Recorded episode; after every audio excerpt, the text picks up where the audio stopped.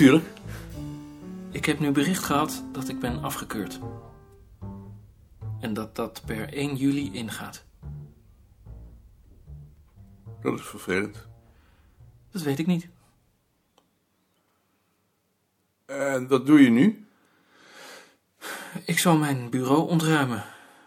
Ik wil nog wel enkele zaken afhandelen, maar daarvoor ga ik wel aan de bezoekerstafel zitten. Zolang je hier blijft werken, blijft je bureau van jou. Dat is heel aardig aangeboden, maar ik denk toch niet dat ik daarvan gebruik zal maken. Je moet dat natuurlijk zelf beslissen, maar ik zou het prettig vinden als je hier gewoon bleef komen, alsof er niets veranderd is. Voor mij verandert er niets.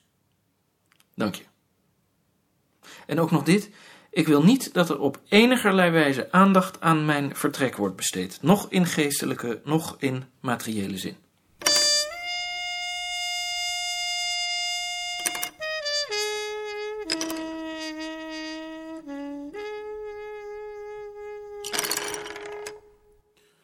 Geachte heer Koning, Geachte heer Koning.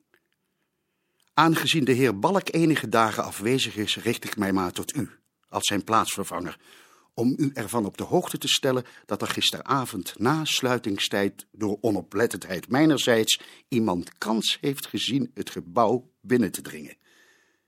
Ik had meteen na het vertrek van Lien Kiepe, die als laatste het gebouw verliet, de voordeur moeten afsluiten, maar ik heb dat niet gedaan, wat mij nu niet meer zal overkomen, waarvoor mijn excuses. De persoon over wie ik het heb, heeft toen kans gezien met een scherp voorwerp, misschien een gewoon zakmesje, het slot van de binnendeur open te duwen en moet meteen zijn doorgelopen naar de eerste verdieping. Toen ik even later uit het achterhuis kwam, hoorde ik daar iemand lopen. In de veronderstelling dat het de schoonmaker was, ben ik naar boven gegaan om hem iets te vragen. Ik trof de bewuste man in de bibliotheek van de afdeling volksnamen. Ik vroeg hem wat hij daar deed en hij zei dat hij iemand zocht. Maar toen hij geen naam wist te noemen, begreep ik dat het een insluiper was en heb ik hem verzocht het gebouw te verlaten, aan welk verzoek hij gehoor heeft gegeven. Ik heb de voordeur toen natuurlijk afgesloten en gecontroleerd of er iets verdwenen was. Maar zover ik kan nagaan is dat niet het geval. Nogmaals mijn excuses. Met vriendelijke groet, Klaas Sparreboom. met vriendelijke groet, Klaas Sparboom. Dag Jaring, Goedemorgen. Eve heeft me je brief laten lezen. Dat was niet de bedoeling dat jij die zou lezen. Nee, dat begrijp ik wel. Maar dat is nu eenmaal gebeurd. Ik, ik begrijp niet dat Eve zoiets doet. Had hij toch eerst toestemming voor moeten vragen? Dat heeft u dus niet gedaan. Je schrijft onder andere dat ik Eve en Rie van jou heb afgepakt, of zoiets. Ik heb daar zelf een heel andere herinnering aan. Maar ik wil daar best over praten. En als jij zelf met een onderzoeksprogramma komt, dan worden ze daar natuurlijk op gezet. Je moet het alleen wel kunnen verdedigen. Ik eh, wil er echt niet over praten. Waarschuw me dan zodra je er wel over praten wilt. Dan is er nog het conflict met Eve. Ik vind dat verdomd vervelend. Zoiets verziekte sfeer op de afdeling, dat is nergens goed voor u. Maar Eve is wel begonnen. Eve is begonnen. Hij verwijt je dat je geen leiding geeft en dat je er zo weinig bent. Ik moet mijn werk toch doen. Mijn werk is nou eenmaal buiten het bureau. Jawel. Maar dat komt ook omdat je je overuren als werktijd beschouwt. Dat doet niemand anders op de afdeling. Als iemand erg laat thuiskomt, mag hij de volgende dag wat later komen. De meesten maken daar trouwens geen gebruik van. Misschien zou het goed zijn als jij je daar ook aan hield. Ja, misschien heb je daar wel gelijk in. Betekent alleen wel dat ik dan in mijn vrije tijd voor het bureau moet werken. Iemand met ons salaris heeft geen vrije tijd. Als ik, wat ik in mijn vrije tijd doe, van mijn werktijd zou aftrekken, zou ik hier niet meer zitten. Dat kan natuurlijk niet. Bovendien is veldwerk vergeleken met het bureau op zichzelf een vakantie. vind het vervelend om zoiets te zeggen. Die bedrieger die komt nooit weer. Die bedrieger die komt nooit weer. Hoe was de institutendag gisteren? Verschrikkelijk. Niet om aan te horen. Eerst een eindeloze discussie over zelfevaluatie, waar zo langzamerhand niemand meer in gelooft, al zeggen ze het omgekeerde. En toen een toespraak van de directeur-generaal, waarin werkelijk niets gezegd werd, en dan nog in een afgrijselijk jargon. Ik heb geprobeerd het te volgen, maar ik heb het na vijf minuten op moeten geven. Ik neem toch aan dat het de anderen ook zo vergaan is. Dus die bezuinigingen zijn van de baan. Ik krijg er geen hoogte van, maar ik vond de sfeer sinister. We zaten in het halfdonker, in een collegezaal waar geen daglicht binnenkwam. Ik werd er ontzettend slaperig van. En tegelijk had ik het gevoel dat ik verdomd goed op moest letten. Het was iets onheilspellends. Het enige concrete kwam nog van Okkerman. Die zei in zijn welkomstwoord dat er belangrijke ingrepen in de salaris te verwachten zijn. En dat er maatregelen ter verhoging van de doelmatigheid worden voorbereid. En dat er op korte termijn een bezuiniging van 10% zal worden doorgevoerd. Die tot gevolg zal hebben dat sommige mensen andere taken krijgen. Wat zei Balk daarvan? Balk zegt niets. In ieder geval niet tegen mij. Maar terug ben ik een eindje meegereden met Wim Bosman. En volgens hem moeten we er ons wel op voorbereiden dat er een aantal voor ons bureau heel onprettige maatregelen aankomen. Maar hij zei niet wat? Nee, dat, dat is een kracht. Ja, dan moet ik zo langzamerhand maar eens naar een andere baan uitkijken. Ja. Is er gisteren nog iets gebeurd? Nee. Maar ik heb alleen de indruk dat Rie weer op eigen houtje aan een nieuw onderzoek is begonnen. Wat nou weer? Een geschiedenis van het volksliedonderzoek. Zoiets als jouw stuk over de geschiedenis van het volkscultuuronderzoek en het stuk van mij over het volksverhaalonderzoek. Ik heb tegen haar gezegd dat ze daar wel toestemming voor moet vragen. Maar intussen zet ze ons voor het blok. Ja, maar misschien is het nog niet zo gek. Op die manier krijgt ze in ieder geval een heleboel literatuur onder ogen. Het is alleen de vraag of ze het kan. Ik denk dat ze de behoefte heeft zichzelf te bewijzen. We zullen zien. Joop, is Line nog niet? Die zal wel weer boven zitten. Die zie je tegenwoordig niet meer.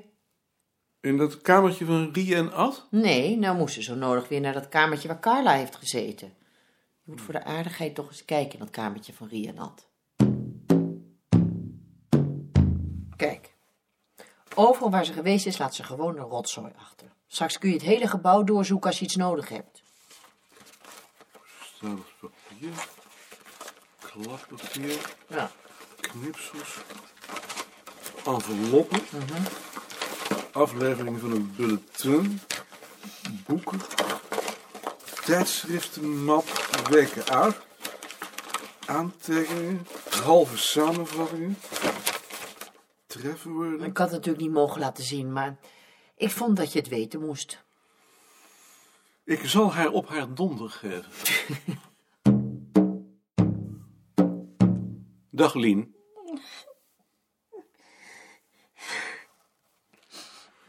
Lien, dit kan natuurlijk niet.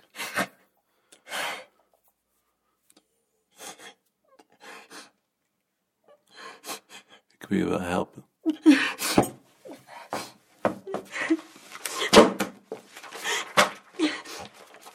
Ik doe het liever alleen.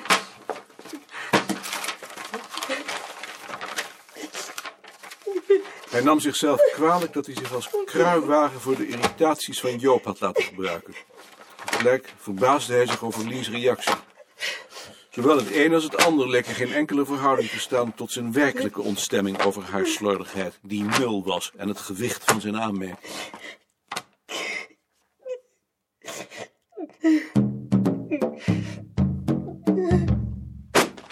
Hebt u de nieuwe deuropener al gezien? Ik weet van geen nieuwe deuropener. Dan moet eens komen kijken daar. Wie heeft dat gemaakt? Sparbo. Dan hoeft niet meer elk ogenblik naar de loge te lopen. Maar hoe ziet u dan wie er binnenkomt? Nou, dan melden ze zich maar. Weet Balk daarvan? Die weet ervan en die vindt het goed. Het is mooi. Dan moeten ze ook nog uitzoeken of het telefoontoestel op mijn tafel kan. En dan een lange afstandsbediening voor de koffiemachine. Dan hoeft u helemaal niet meer op te staan. Het zou zo gek nog niet zijn. Het kan tegenwoordig. Kijk maar naar de televisie, daar hebben ze het ook. Oh, alles kan, ja. Dat gaat zeker over dat knopje op zijn tafel. Ja, hij heeft zijn zin. Ja. Zo'n man krijgt toch altijd zijn zin. Dat is waar. Dag Joop. Morgen. Ik weet niet of je het al gehoord hebt, maar Peter en Lien gaan uit elkaar. Waarom? Hij heeft een ander. Dat is eh, lullig. Ik vond dat jij dat wel mocht weten, omdat je haar baas bent. Het is goed dat ik dat weet. Dan weet je het nu. Met Koning? Met Jaap, kun jij met de eerste koffie even hier komen? Ik wil wat bespreken met de hoofden. Eh, ik kom. Dag Maarten. Dag Had. Ehm, ik denk erover om Willem Vreeburg, nu die hoogleraar is geworden, voor te dragen als lid van de wetenschapscommissie. Lijkt je dat wat? Denk je dat ze dat pikken? Wij zijn de grootste afdeling. Kunt het proberen. Ik denk dat we meer aan hem hebben dan een appel in box. Zou wel eens kunnen. Dat zal ik eens met Balk bespreken. Uh, Ad, weet je eigenlijk wat er met Jaring aan de hand is? Ik weet dat hij ziek is. Hij heeft een conflict gehad met Eve. Hm, daar heb ik van gehoord. Van Eve? Nee, van hemzelf. Hoe praatte hij erover? Ik heb de indruk dat hij boordevol rancune zit. Tegen mij? Ja, tegen jou. Eigenaardig. Ach, Maar dat is toch nog geen reden om ziek te worden? niet iedereen is zoals jij. Dat is juist.